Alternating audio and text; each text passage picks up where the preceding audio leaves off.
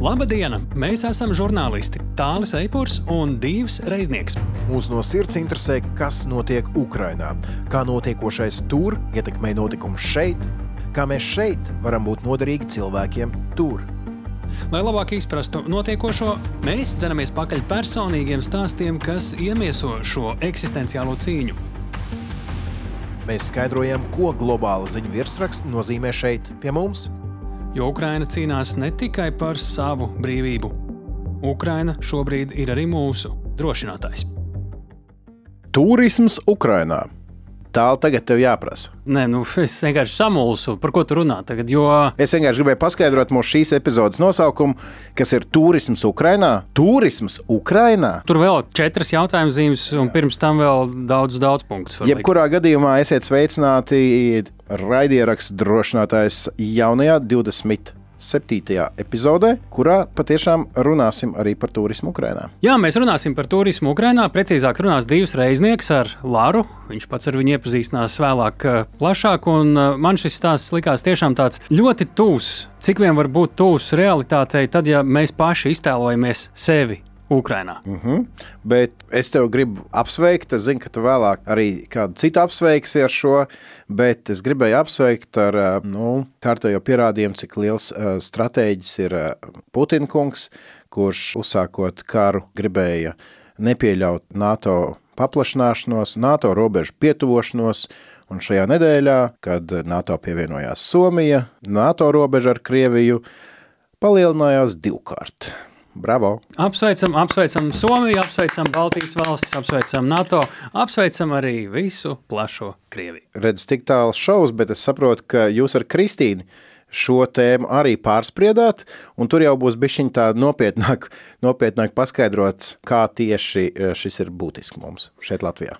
Jā, mēs ar Kristīnu spriedām ne tikai par Somijas pievienošanos NATO un e, dažādiem leņķiem, mēs paskatījāmies arī piemēram uz to, kas tad īsti, un ne tikai Krievijas vārdos, bet arī darbos varētu notikt ar tās ieroču tēmēšanu, pārvietošanu vai pārorganizēšanu, tāpēc ka tevis pieminētās robežas garums NATO ir krietni mainījies.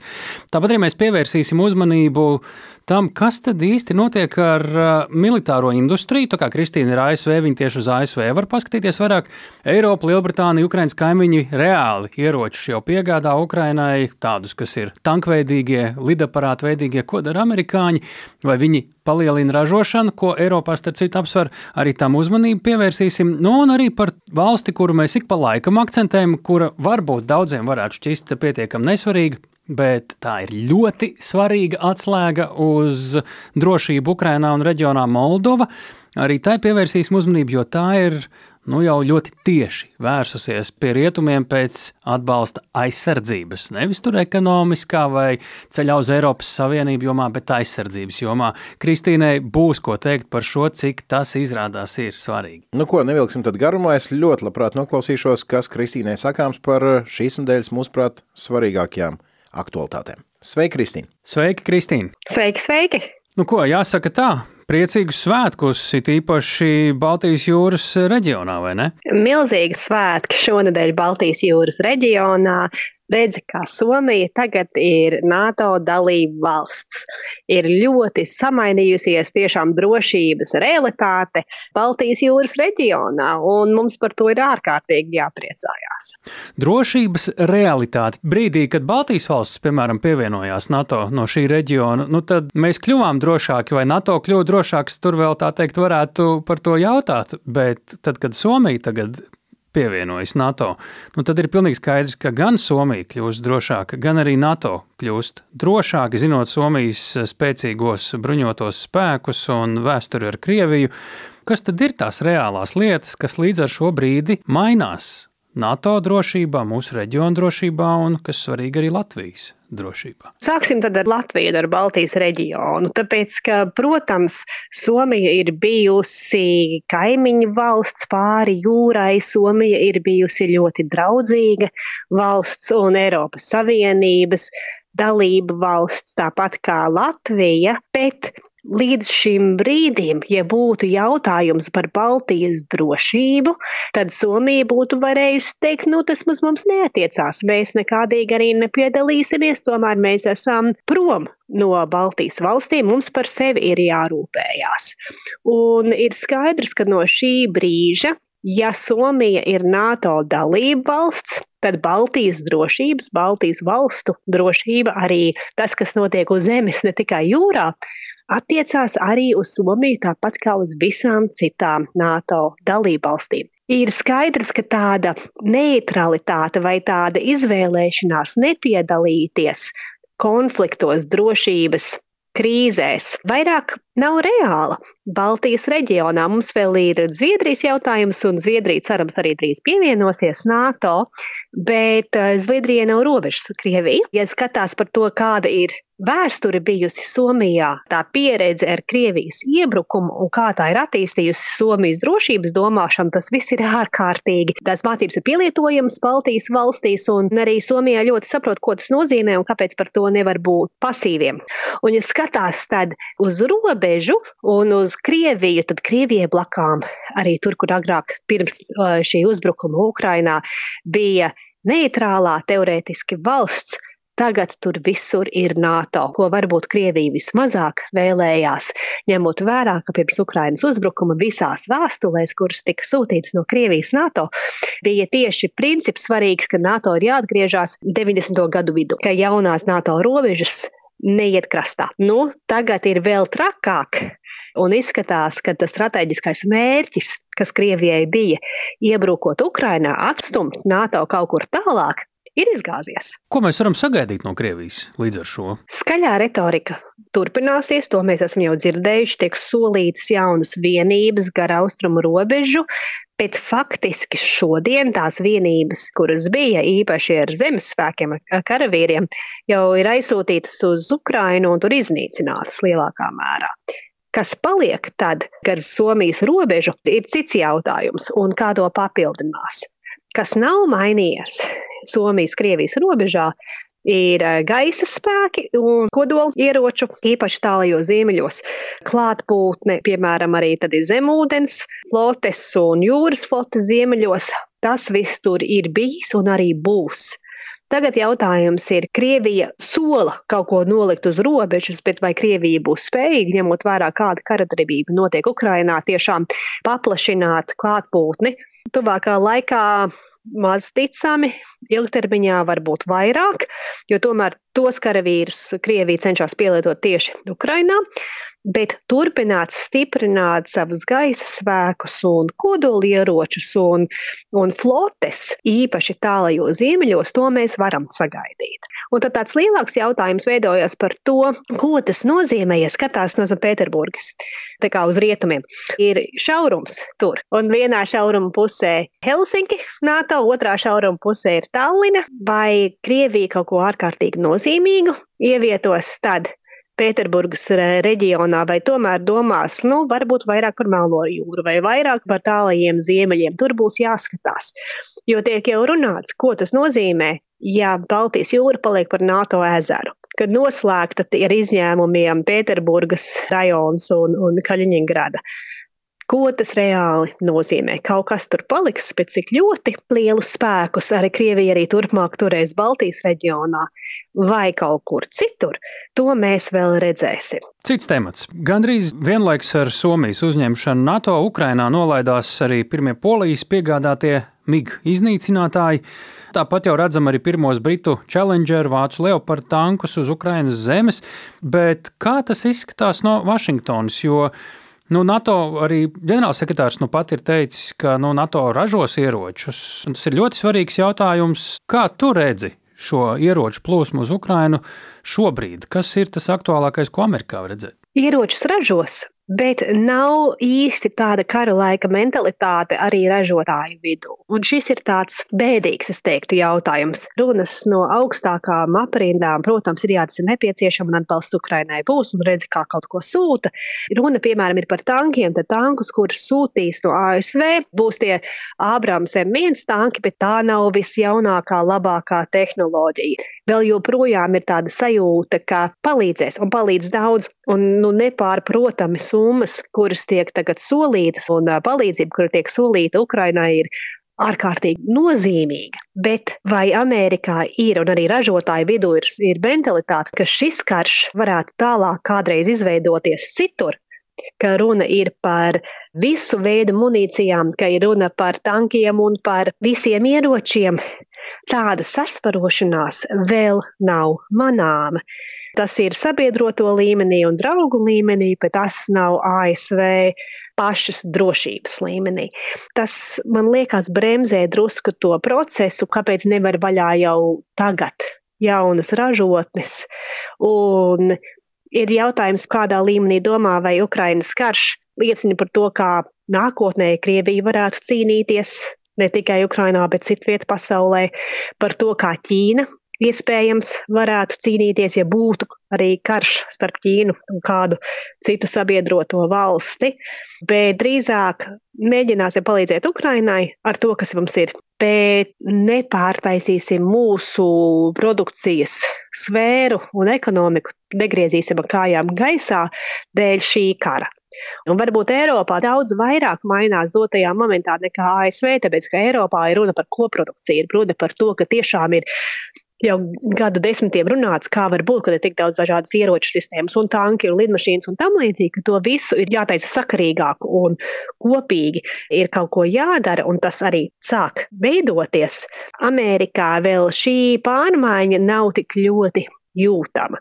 Savā ziņā tā ir vienreizēja iespēja Eiropai tiešām sasparoties, ko nozīmē aktīva Eiropa drošības līmenī, ko nozīmē Eiropas NATO spēki, kuri ir spējīgāki paši sevi pasargāt. Par to jau ASV prezidenti jau daudzi ir sūdzējušies, kāpēc Amerikai ir jāpavalk Eiropa. Šī ir izdevība Eiropai kaut ko darīt, bet es labprāt redzētu, ka arī Amerikas pusē Ukrainas karš nebūtu tikai izņēmums, ikdienas kārtībai, bet parādītu to, ka varbūt tas miegainais process, kas līdz šim ir bijis militārā ražošanā, ka tas varētu turpināties. Amerikā arī problēma tā, ja tagad ļoti sasparotos, ātrākais, ka tiešām varētu būt pavisam kaut kas cits reāli, būtu pēc pieciem plus gadiem, jo ir jābūvē ražotnes un, un atļaujas nepieciešamas un vispārējais, ka tas nekādā ziņā nebūs ātrs process. Un valda bažas par to, vai šis konflikts turpināsies tad, kad visas ražotnes jau būs uzbūvētas, vai vērts pārmainīt sistēmas ilgtermiņa ražošanā, ja nav skaidrs, vai tad Ukraina neieņems neatkarību savas zemes šogad, vai nebūs miers nākamgad. Nu, tad kāpēc vajag kaut ko jaunu ražot?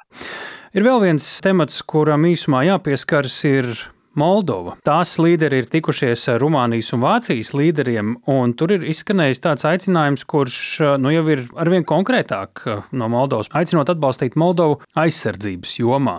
Par ko tad te varētu būt runa? Finanšu palīdzība, ieroči, kaut kādas garantijas, varbūt apmācības. Kas šis ir par signālu mums? Signāls ir tas, ka Moldova ir ārkārtīgi svarīgs jautājums visas Eiropas un arī transatlantiskajā sarunās, tāpēc ka Moldovā ir eiropeiskas eh, vērtības. Moldova veic reformas, cenšas iet Eiropas Savienības ceļā, bet Moldova nav spējīga šobrīd sevi pasargāt. Šobrīd nav runas vēl par drošības garantijām, bet tas, ka Olafs Šolts tikās ar Rumānijas un ar Moldovas prezidentiem, ir svarīgs signāls. Eiropas padomas prezidents Šārls Mišels bija Moldovā pagājušajā nedēļā un arī gan slavēja Moldovas spējas un ceļu, gan arī solīja vēl milzīgu palīdzību. Palīdzība ir nepieciešama ekonomiskajā ziņā, ziņā enerģijas telpā, kā arī drošības palīdzību. Un vēl šīs atbalsts un, un spiediens palīdzēt visām Eiropas valstīm kopā sanākt un palīdzēt Moldovai tikai augs. Tāpēc, ka jūnija pašā sākumā būs Eiropas politiskās kopienas nākamais samits, vairāk nekā 40 valstis, kuras sanāks kopā Moldovā, atbalstīs Moldovu un runās par Eiropas kontinentu, nevis tikai Eiropas Savienības tālāko nākotni. Un ar savu klātbūtni tad Eiropas Savienības vadība, gan arī, piemēram, kanclers Šolts un citi parāda, ka Moldova nav pelēkajā zonā, bet ir Eiropā. Tā ir ļoti nozīmīga pārmaiņa, kur ir notikusi kopš pagājušā gada 24. februāra. Ja iepriekš varēja teikt, no nu, ir Eiropas Savienība, ir Krievija, un tad ir visādas valstis, kuras tur ir pa vidu. Tagad ir skaidrs, cik ārkārtīgi milzīgs risks tas ir parādīt Krievijai, vai citiem, ka ir tās trešās Eiropas valstis, kuras nav mūsējās. Un tagad, cik vien ātri iespējams, parāda to, ka valstis tā kā Moldova, kuras dara visu tā, kā vajadzētu iet Eiropas Savienības ceļā, ka tās valstis atbalstīs. Un to valstu līderi piedalīsies NATO samitos un piedalīsies Eiropas Savienības tikšanās un tām arī būs nopietna materiālā palīdzība, un tur viesosies būs ļoti nopietnas Eiropas līmeņa sarunas. Notiek ļoti nopietni politiskie signāli par to, ka Moldova ir Eiropa. Ļoti nopietni politiskie signāli, ka vēl viena valsts ir izslīdējusi no Krievijas taustekļiem neatgriezeniski. Lielas Tieši paldies, tā. Kristīne, tev par šīs nedēļas sarunu. Paldies un visiem priecīgs lieldienas līdz nākamajai nedēļai! Jā, tā bija Kristīna Bērziņa, Vašingtonā un Tālis Seipurs šeit kaut kur Latvijā. Nu, pašas beigas man, man uzreiz tā bišķiņ sabulsidāja. Tas jūsu optimisms par Moldovu, ka tur jau viss ir izšķīries un viss jau ir skaidrs, ka dosies rietumos. Nu, es būtu bijis piesardzīgāks, ņemot vērā, ka tur tās vēlēšanas parasti ir 50-50. Nu, tur tā sabiedrība šobrīd ir teorētiski puse vairāk uz Krieviju, skatās pusi uz Eiropu bet eh, nu, jau bišķiņi mainās, saprotams. Un ņemot vērā, ko arī Kristīna minēja, ka gaidām lieli svarīgi samiti tieši Moldovā, tad cerēsim, ka viss būs tieši tik optimistisks, kā jūs noslēdzāt eh, šo savu sarunu. Es nedomāju, ka tur būs liels optimisms, bet es domāju, ka tiešām ir noticis tas izšķirošais pavērsiens, kas ir svarīgs brīdis, lai tad strādātu tālāk pie tā optimisma. Zini, kas man liekas ir svarīgākais un optimistiskākais? Tas, ka Moldova ir ziņās. Tas, ka Moldova ir uzmanības centrā, cik nu vien var būt uz, uz šī lielā kara fona uh, uzmanības centrā. Un nav šī Kristīnas pieminētā pelēkajā zonā. Jā, tieši tā, ka nu, tur jau viss nav tik viennozīmīgi, tā kā tā, bet vēl visādas daudz ziņas. Mēs neesam ziņu raidījums, bet dažas tu gribēji vēl pieminēt, vai ne? Nu jā, tādas, kuras tā teikt, nesalīd mūsu trīs galveno tematu sarakstā, bet par ko noteikti būtu vērts arī jums vai nu palasīt, vai padomāt kaut vai par to, ka Krievija šobrīd ir aprīlī kļuvusi uz laiku par ANO drošības padomus vadošo valsti. Jā, agresoru aprīlī valsts. ļoti atbilstoši. Jā starptautiski krimināli apsūdzēti līderi priekšgalā. Tāpat ir eh, notikušas arī vairākas vēlēšanas Somijā, vienlaikus ar NATO, nu tā teikt, pamatīgi politiski pavērsieni. Tiesa gan nekas nemainās Somijas attieksmē pret Ukrainu. Un pret Eiropas Savienību arī visticamāk nē, un pret NATO vēl jau mazāk podkāstu ierakstīšanas dienās pieredzam arī NATO ārlietu ministru sanākšanu Briselē, kur runāts par ļoti nopietnām Ukraiņas atbalsta lietām un vienlaikus. Zelenskis Varšavā? Tā skaitā, starp citu, Zelenskis Varšavā. Man liekas, ka es pirmo reizi redzēju, ka Zelenska vizīte ir iepriekš izzīmēta. Jā, tas bija interesanti. Jā, nu un vēl viena vizīte, kas noteikti ir ļoti cieši saistīta ar šo visu, ir uh, Francijas vadība un Eiropas Savienības vadība ir ciemos pie Ķīnas līdera, pie priekšsēdētājas Jī. Tā kā es domāju, šobrīd, uh, ja nav ļoti skaļu paziņojumu, tad ir ļoti daudz aktīvu darbību fonā un pat nemaz tik dziļi fonā. Jā, iespējams, tas būs kaut kas tāds, par ko mēs ar Kristīnu runāsim jau pēc nedēļas. Tieši jo, tā. jo Ķīna, lai arī it kā geogrāfiski tālu no visa konflikta epicentra, bet ir ļoti svarīga. Es gribēju vēl tikai vienu lietiņu pieminēt, pirms mēs ejam tālāk.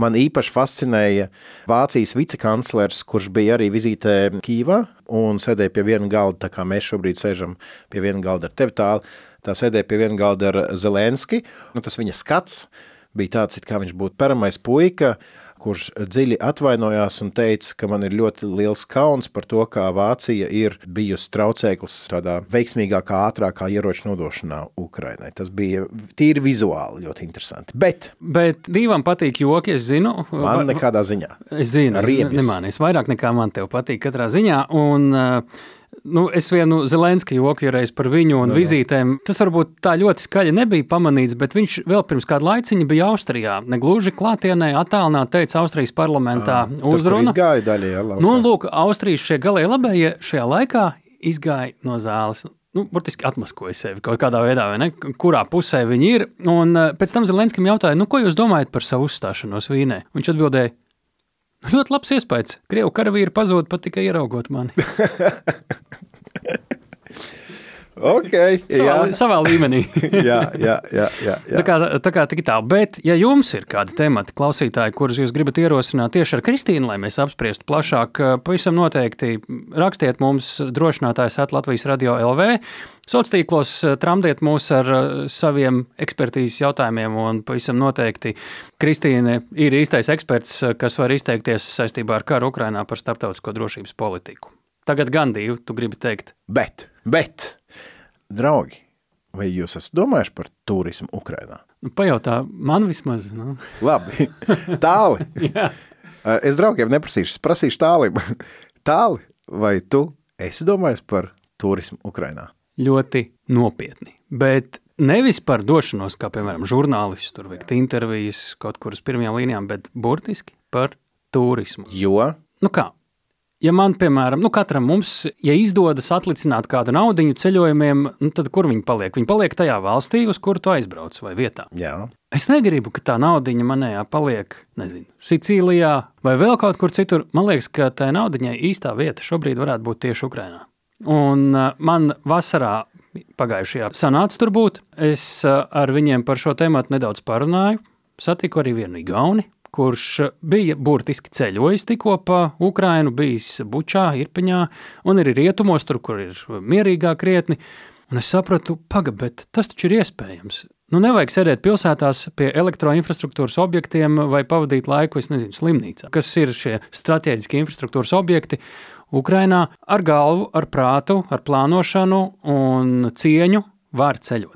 Nu, kā mēs zinām, tu neesi tipiskais ceļotājs. Atceramies, tu mums reiz šeit pat drošinātājā stāstīja par savu ceļojumu uz Irānu, kas nav arī tāds gluži ierasts ceļojuma mērķis. Bet pagaidi, ko darīja pagājušā gadā Ukrainā? Es palīdzēju vienai bēgļu ģimenei ar transportēšanos, un uh, tieši tāpēc es arī izmantoju to izdevību pavērt savu skatu plašāk un paskatīties un parunāties ar cilvēkiem. Manas attiecības ar ceļošanu Ukrainā patiesībā ir tādas, ka es esmu bijis Kijevā un Odesā vienreiz darba darīšanās, otrais atpūstā, un trešā reize es biju Ļvivā. Doma, ka jābrauc noteikti uz Ļvivu, man radās 2014. gadā, kad es redzēju, ka Ļviva, kas atrodas Rietumu Ukrainā, netālu no polijas robežas, izrādījās, jo pirms tam es tā šausmīgi daudz par Ukrainas politiku nezināju.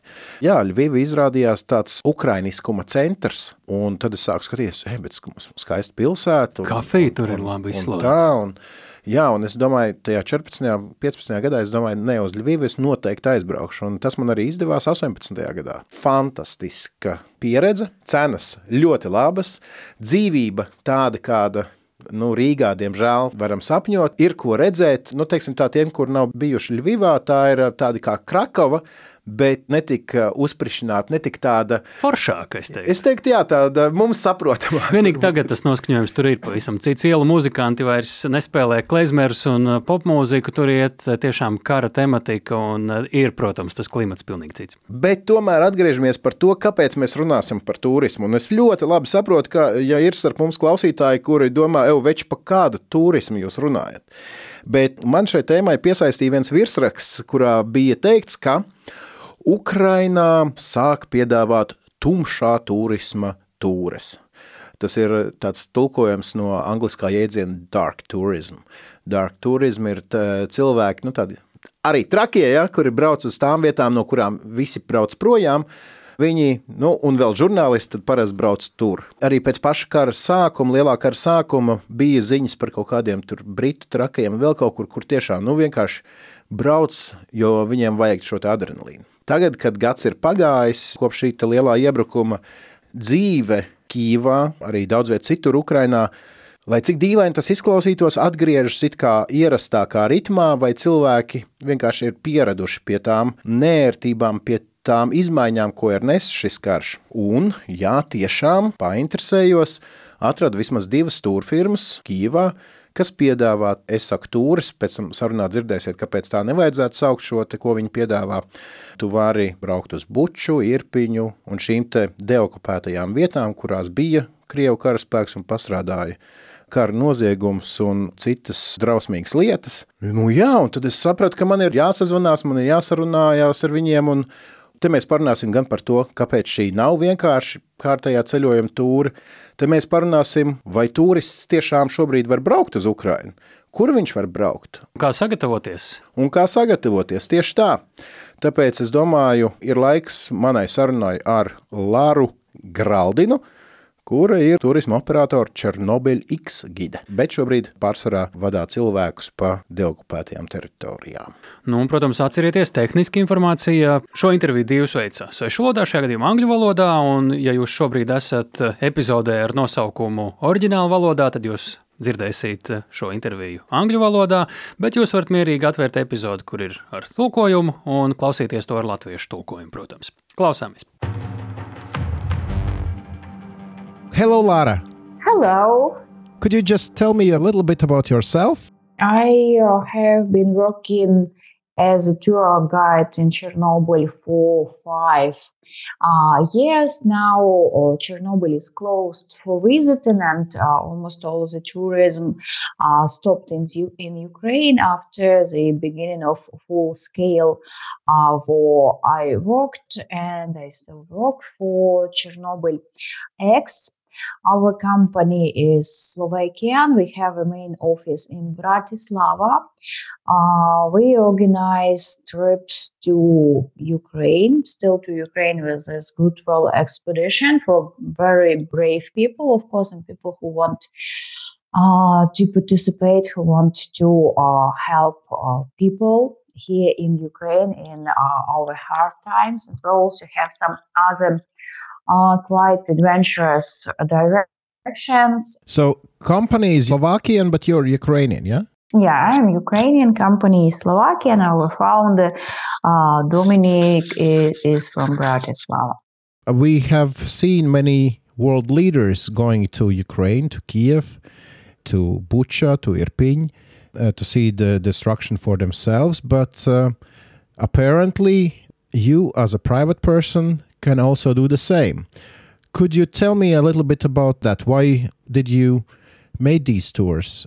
What was the idea behind this offer? Yeah, first of all, we, we didn't plan it as tours, we planned it as humanitarian expeditions. And the, the first, the main uh, goal was to help people in need, especially after liberating of these small uh, towns around Kiev, like Bucha, Irpin, Gostomels, and if we go a little bit further, there will be also Borodyanka, Makarev a little bit also suffered. So we wanted uh, people to come and to help by themselves, to have this feeling uh, of helping other people, people in need, and for them also to see that uh, they are really helping, that their money uh, are going to help real people, and they had an opportunity to meet these people, to do everything by themselves, not just sending money to some funds uh, in the internet, and that's all. And also, we wanted to spread the word uh, about the war in Ukraine, uh, about what happened uh, here so close to Kiev. We wanted people to see, to believe, and to tell their friends and relatives. And yes, it is true. We also visited the same places as politicians from all over the world and especially at the beginning it was like eye-opening experience for for people including this prime minister sometimes presidents or uh, other members of parliaments from the other countries quite many politicians from Latvia also have gone to Ukraine.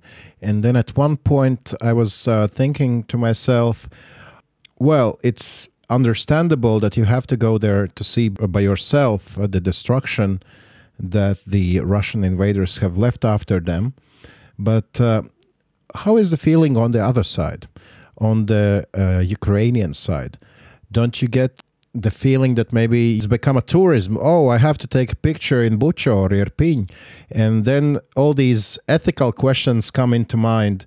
So you get the sense of uh, what the Ukrainians uh, on the ground feel about all these visits from different politicians or from regular tourists. How would you describe the feeling of Ukrainians? Uh, you know, from the beginning, I was also very worried not to touch the feelings uh, of these people, and we didn't promote or even present information about this expedition anywhere, like on the website or even social media. Only some our previous tourists or people who contacted us about visiting Ukraine because they saw that we go to Chernobyl before we had some nice trips uh, in Kiev or even uh, in Ukraine. And uh, if they ask us to go or we just sent a small, uh, very short news letter that we, we go and we uh, want to help these people so we were worried about it. I, I, personally thought how, how it will be for them, what, what they would say, what they uh, would feel. But when I first uh, go by myself, I see that not so many people in these destroyed buildings, residential buildings, because it was not possible uh, to stay there. Then uh, I started uh, to search for families who suffered, who had the accommodation destroyed or holes in the apartments and some, something like that. And I asked them if, if I can come, yeah, to, to see. And I asked them about their needs. I told them that we want to help. And uh, I was surprised people were okay about it. Or maybe it's after politicians and they, they saw that people uh, came and they saw them in the EU, something like that. Or I don't know what influenced them, but I never met from the last year. Yeah, it's now, yeah, it's now probably a year of liberation. These towns uh, close to here, I, I never met uh, some negative reaction, I would say. Uh, people even were uh, happy to share their stories. Maybe it was some kind of emotional release for them. I met a few people who said, no, we, we don't want to talk to people when I asked them about some uh, bloggers who wanted to do stories, yeah, for, their YouTube, YouTube channel. But I said like, uh, okay, okay, no, no worries. All the others were fine about. No, I mean, if you see people from outside the country after all these horrible things have happened, I can imagine that one of the first things you want to do is tell the world your story. But if you see uh, tourists coming back again and again, isn't there this um, danger that it's going to be like some Maasai tourism village in, in Africa or in something like that, that it's really a tourism attraction or something like that? I should say that we never had something like big group or something. I had maximum probably four people. Mostly it's one person, two people, really to help. People come in there bringing uh, kids uh, clothing, they're asking what they can bring from their country. So mostly I feel that, that they really want to help. And this is also uh, very pleasant and very important for me and for us, for people uh, in the company. So I never saw it to be massive, but I should say that especially the first months after liberation, I saw a lot of just ordinary Ukrainians who came by themselves to see what, what happened there because we all saw it on the news and people wanted just to go and to see for themselves. But it mostly some places without people like really destroyed destroyed uh, buildings residential buildings for example it could be some public place as a palace of culture in irpin for example. Yeah before it was even possible to go inside to see how it's burnt out Uh, then it was, for example, graveyard of uh, uh, vehicles, of private cars, which were burned or shot, yes, and destroyed because of this invasion, and they were moved uh, all together to one place. Yes, so there were not no local people who we could disturb, yeah, but people, even our people, just wanted to see for, for them to understand the uh, situation. In your webpage, I can see that you offer this experience as a Ukraine at War Goodwill Expedition. And you say uh, on your webpage that it is strictly charitable and all proceeds are used for buying uh, and bringing food, medicine, and materials for rebuilding uh, the destroyed communities. And you yourself said that um, part of this uh, expedition is um, that those who come can offer their help to the locals. What does it mean in reality? We have not big amount of money uh, which people send us. Yeah, which I use to prepare the trip. Yeah, we, we cover only like organizational cost like transport a little bit back office something like that. For, for the other money i uh, ask people or family. I have a few families i started to help and it was really important especially at the beginning about a year ago. I ask them about their needs and i use this money to buy something. Or a few times we even uh, did this with with people together yeah, if they wanted to spend more than this amount, which is like the we ask for some kind of donation if they want to go to to at least to give something to people. If they wanted to buy more, they could do it. And as I told you, some of them uh, brought what they wanted to give to people. Also, I have a few people who wanted to help more. They saw the family, they saw the need, and they yeah they offered some help. Probably they then transferred money or something like that. I put them into the connection if they if they had this feeling, you know, to do more. But of course, it was just their initiative. And also, what I wanted to say also to the previous question about this to become touristic, I I wanted really to add that now almost everything is repaired, renovated, yeah, because life is going on, and even this uh, really destroyed buildings, residential buildings, they are now dismantled. Uh, and they will be repaired from the from zero to something. The buildings which uh, were not so damaged and it was possible to repair them, they were repaired before winter period for people to have an opportunity to stay.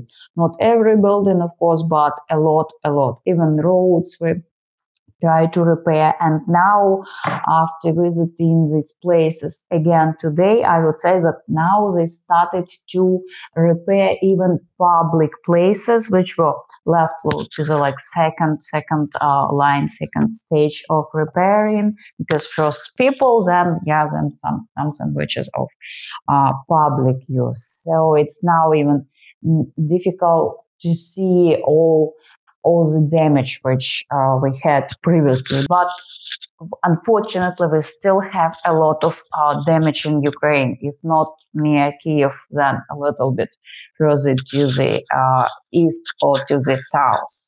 Still, we, we have some uh, smaller spots which look uh, almost the same as a year ago, and we also have this experience of seeing how life is is back to these people. When I came first and saw uh, kids playing football on the destroyed uh, stadium where in the field we had a few holes from the missile. Uh, it was like, wow, this, this is the life people want to live. We are fighting, uh, like really to have our lives, not just to, to sit, to sit and to cry and do, doing nothing. So this is a good time to visit Ukraine if people want this kind of experience to like to make difference and to have uh, this feeling of helping and to see history, which is uh, going on when we are living, I would say, because after that we will just read about it in the books. Who are those people who are coming?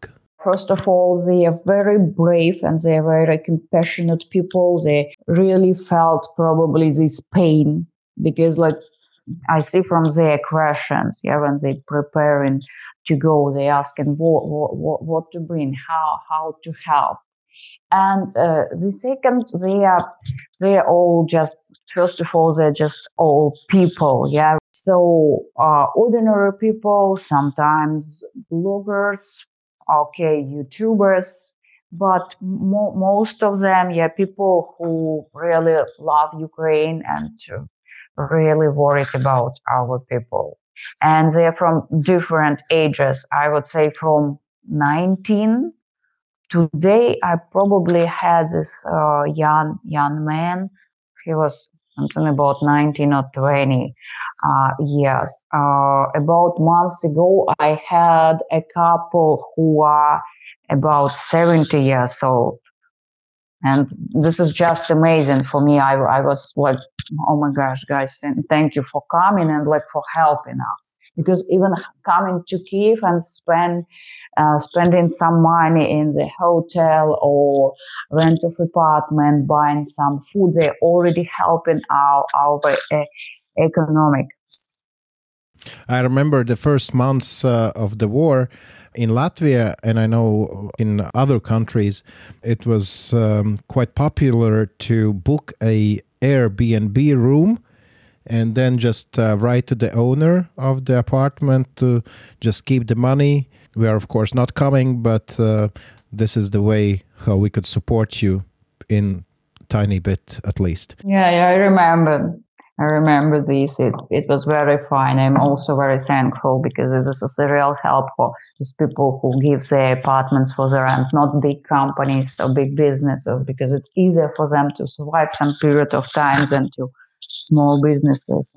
So let's talk a, a, little bit about the regular tourism in uh, Ukraine. Of course, the war is still going on. It's um, mostly in eastern and southern part of uh, Ukraine. Uh, West is sort of peaceful, but still, time to time, you have Russian bombings as far as Lviv and western part of the country. Not often, but it happens. But uh, if I, as a regular person, want to go to Ukraine, is Ukraine open for tourists? It's the first question, especially last year, because a lot of people really believe that it's not possible to go to uh, Ukraine if we have the like full uh, scale war. Yeah, it's it's possible. Ev- everyone can go to Ukraine, and as for the safety, now it's much safer. People also do not understand that our country is big yeah and we are fighting about thousand kilometers. Okay can can be a little bit closer but this is this is really a big difference. The problem is only the air. Yes the sky that sometimes we can have this missile strikes but also now it's quite rare and the uh, mostly Nowadays, it's about these drones which they send for checking our air defense, or you know, sometimes yeah, also for some kind of attack, but it's not so massive as a missile strike. Mm-hmm. But if I go to, let's say, Kiev, um, are the hotels open? Are the restaurants open? Yeah, stuff like that. Here, uh, we already live a normal life probably if you don't know that it is the war, if you do not have your app for the air raid siren, for this alarm, or you are not near the siren outside, you won't see that we have any problems in the country. Restaurants are open, hotels are open, shops are open. Uh, we just have curfew. Before it was from 11 p.m. to 5 a.m. Now we have it from midnight till 5 a.m. So for us to have an opportunity to be outside at least till 12 o'clock to enjoy, I, I hope, uh, coming summer nights. It's not so crowded, of course, in the uh, in in the hotels, but they are available. Yeah, it's not a problem to book them. What about the prices? I would say that they are all the same, or they can be lower. I haven't seen any hotel to raise the price. No reason for that. Yeah. So, but there is a possibility that when you come to Kiev or some other uh, sort of uh, safe place, uh, the air sirens uh, would uh, go off and then you have to run to the shelter, or what's the deal with that? According to the recommendation, it's better to go to the safe place, which is shelter, subways, some, something like that. Still, we have this public transport, yeah, which needs to be stopped when it's air raid siren. But I would say that now uh, people who were here from the beginning do not react to this air uh, raid siren at all. We still drive our car as we drove. We don't go to the shelter. Some people probably can go, but the majority are just doing their things because it can be for two, three uh, hours, and most of the times it's now it's siren just in case for us to be more more attentive, let's say, but it can be not real danger, which which means that straight to Kiev something is flying like missile or or this drone. Isn't that a bit strange for you as a civilian with uh, no previous war experience that you are used to such things? Before I imagined the war only from the movies about the Second World War because it was the recent one. I expected that it will be some something absolutely awful. There was a lot of wounded and blood like everywhere, and all these uh, sounds of war uh, like every minute. And actually, it started very uh, hard, yeah, because we really had attacks to a lot of regions and we all heard uh, them. But after this attempt of Russia to invade Kiev and what, what we heard, what we uh, saw, we yeah we really got used to it and now you know it's just a part of our daily life if it's uh, strange weird surprising yeah yeah yes yes it is but now our minds are different and we just take it as ordinary thing. Uh, if we look at the practical side of tourism, we know that there are no planes going to Ukraine. You can get to Kiev uh, with a car or by train, I guess, right? Uh, also by bus. Oh, really? Yeah, with, the buses, even more buses, and they are more available. We have big buses, we have smaller buses, we have mini buses from uh, different companies, absolutely different directions. Um, people even can go straight to some cities of Europe, not only uh, our neighbor countries. Right now, if I go to Ukraine, should I bring extra power banks, extra fuel, extra I don't know what? A month ago, um, I would say yes that you you need some some kind of an energy supply or something like that, or to be ready with some kind of uh, flashlight probably. But now this problem uh, is almost gone. Yeah, in Kiev we do not have these cutoffs uh, of electricity. In Kiev region, I heard uh, there were a few of them, um, but I, I, think it's just really for, for a few days or for a few weeks, and then we will be absolutely fine with this energy problem. Now we do not have any lack of uh, items or fuel. Now it's it's here. It's okay. But is there something that a regular tourist will find different uh, now than before the war?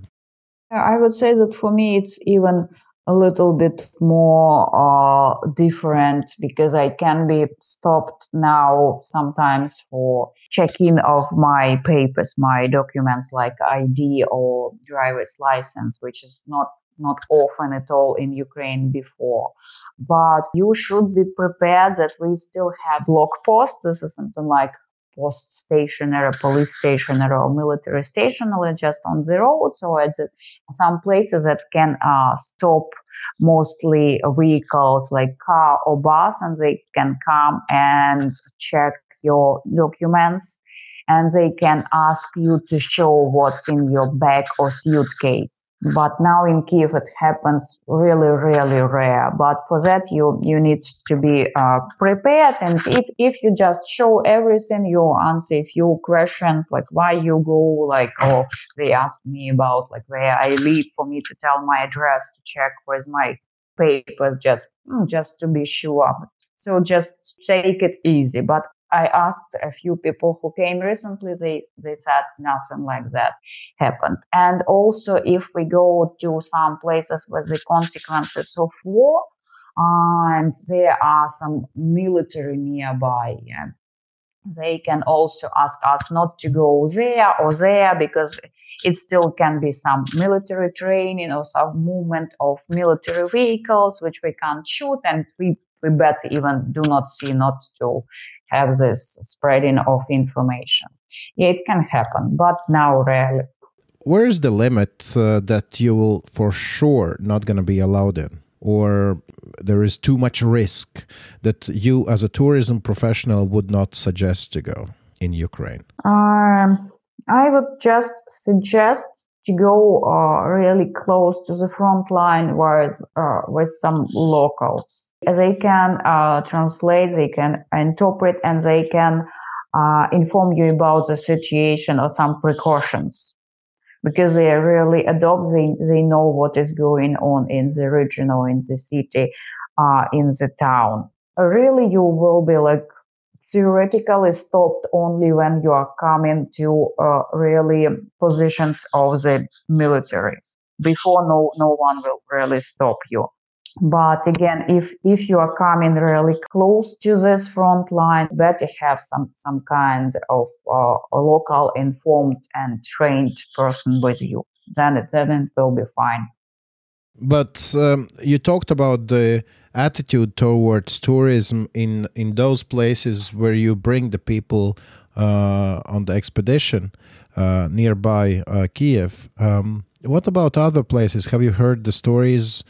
Well, what are, what is the attitude? Uh, is it like oh? Uh, we are happy to see tourists because they they spend their money in Ukraine and and and support uh, locals in that sense, or um, is it a burden on locals?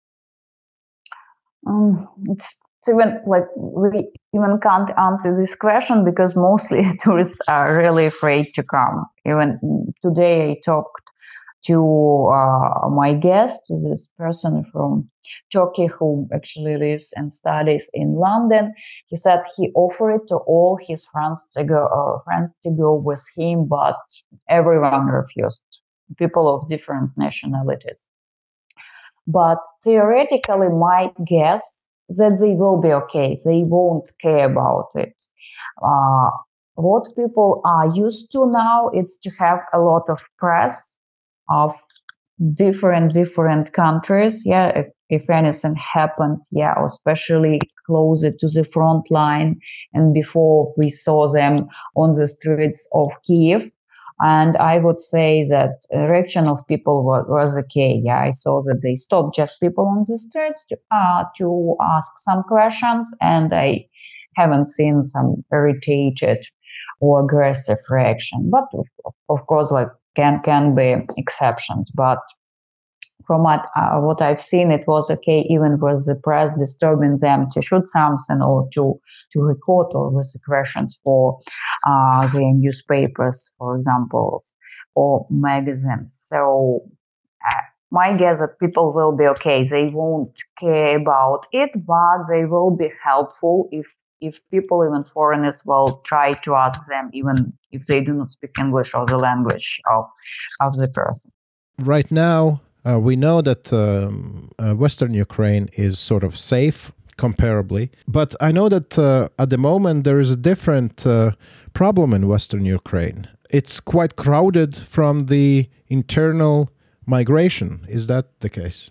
Yeah, it was uh, really crowded uh, before, especially a year ago, even a half of the year uh, ago, and yes, still some people from uh, even from Kiev or from the places which are occupied by Russian, uh, if they don't want or they can't go uh, abroad, they live uh, uh, on the west western part of Ukraine or some in Kiev also. It's always capital attracts people who left their home cities because it's easier here to find any kind of job or even accommodation. Uh, it's true that uh, more people are now in Lviv, but I checked a little bit with people, and uh, I saw also by the hotels that it's it's possible now. It's possible uh, to go. Uh, we have we have like some space on the western Ukraine to invite more people. I would say Ukrainians or foreigners. One thing I have to ask you the year of war has probably brought bankruptcy to many businesses that um, were involved in uh, tourism as an industry. Is that the case? And how many people have suffered in tourism industry because, of course, there is war and, of course, there is no tourism? I haven't checked like the official numbers, statistics, but I see by my colleagues, yeah, that most of them lost their jobs. Now some men uh, are really fighting the in the armed forces. Uh, from what what I know from my from my connections, uh, a lot of uh, women from this industry uh, gone, flew from the country and it's also helpful because most of my colleagues know some foreign languages english french german and others. So i, I would say yes this industry uh, my personal opinion but it suffered a lot. Hotels and some some really uh, tools yeah to tour operators uh, tour companies who brought foreign people to ukraine also, uh, Ukrainian tour companies uh, which organize trips for Ukrainian people also, but some of them I, I see doing great. They still trying to offer uh, tours to the uh, other companies, even organize them with the buses or with some other means of transport to get to the final spot. Latvians uh, have gone to Ukraine for tourism before and uh, they definitely will go again when they're gonna feel that it's safe enough. Is there anything you want to tell them that we haven't talked about? For people who plan to come after or now, I, I can say that every person can be a volunteer or visitor, but of course, guys, you need to decide for, for yourself. Yeah, no one can tell you go or not go. We just can share with you more information uh, if you have intention or if you just have some questions about what what it is going uh, on in Ukraine. And uh, after the people who prefer to come to save Ukraine, I totally understand you. Yeah, you also need to think about your safety and about your families, guys. Go alone. Uh, after the victory, we are waiting for you. Yeah, and like we will be very happy uh, to see you. Thank you so much. The last question we ask to everyone: What should I wish you personally? Probably a lot, a lot of, a lot of energy and inspiration to mm, to act and to to live my life, to do my things and things important for my country in this hard period because sometimes it's it's difficult, you know, to do even ordinary things when you are in this stress of course. All right, thank you so much, and uh, I'm I'm sure that after hearing our interview, there are going to be even more Latvian tourists coming to Ukraine whenever they feel safe to do it. Mm-hmm. Yeah, thank you so much. We're happy to see you, and we we we feel that we are close nations, of course, with you. Well, uh, we're much closer than the before the war. That's for sure. Yeah, it's true. It's true. All right, Lara. Thank you. Thank you very much. Uh, all the best uh, to you and to your podcast. Hope to see you uh, in Kiev or somewhere in Ukraine as soon as it possible. Paldies divām! Paldies Larai Graldinai, turisma operatora Černobila X gidei. Es teiktu tā, tie, kuri varbūt bija apsvēruši, ka varētu aizbraukt uz Ukrajinu, vai pat arī nebija apsvēruši. Šī saruna, manuprāt, atvēra dažu labu priekškaru tādai jau krietni konkrētākai apsvēršanai un domāšanai. Un paldies Dievam un paldies Larai par šo sarunu. Es gan nu, klausoties to domāju, vai to var saukt tieši par turismu. Es to drīzāk sauktu citā vārdā par ceļošanu. Jā, nu tas, tas noteikti turisms droši vien ir vienkārši tāds ierastāks termins, un, un neieiesim tagad uh, dziļā filozofijā. Jā, nu neieiesim jā. dziļā filozofiskā diskusijā par šo. Protams, te drīzāk ir runa par ceļošanu. Savukārt no savas puses, es kā divu bērnu tēvs gribētu teikt, ka, un to arī Lāra pieminēja, es jūs tagad neaicinu brauciet tagad, tūlīt uz Ukrajinu. Ir jāapsver riski, raķetes var lidot tur, kur jūs esat. Te gan jāatcerās arī tas, ko Tālis teica, vienkārši lietojam prātu un tā, bet skaidrs, ka tur ir riskantāk nekā Polijā, Latgalē, Lietuvā vai Igaunijā vai es nezinu, kaut kur. Nu, bet, protams, ir šī, šī priekšrocība, ka līdzīgi, laikam arī Covid laikā teica, kad cilvēki ceļoja, tad vietas, kuras parasti turisti pārbāstas, tu pēkšņi ieraugi gan arī vai neskarts, un tu tur esi vai vienīgais, nu, tie ir tie bonusi, protams, šāda veida ceļošanai. Nu, protams, runājiet ar cilvēkiem, ja jūs tur nonākat, tas viņiem ir svarīgi, jums vērtīgi, un mēs joprojām paturam atmiņā mūsu vienas no iepriekšējām epizodēm Helsonas iekarotāja un Latvijas džipa braucēja aicinājumu pēc uh, uzvaras ierasties uz pusdienām Krimā. Uz Krimu šobrīd nebrauciet. Šobrīd nē, šobrīd vispirms darbiņš jāizdara Ukraiņas bruņotajiem spēkiem. Tad, kad atbrīvos Krimu, tad arī brauksim. Tas arī šoreiz viss. Jā, Noteikti atcerieties visas svarīgās lietas, kas kārtīgam podkāstu drošinātājs klausītājiem ir jāatcerās. Tēmturis visos sociālajos tīklos pavisam noteikti ir vienkārši drošinātājs. Tēmturis drošinātājs, vai arī rakstiet mums uz e-pasta adresi drošinātājs at Latvijas Rādio LV. Un atcerieties, drošinātājs skaidri un personīgi par karu Ukrainā.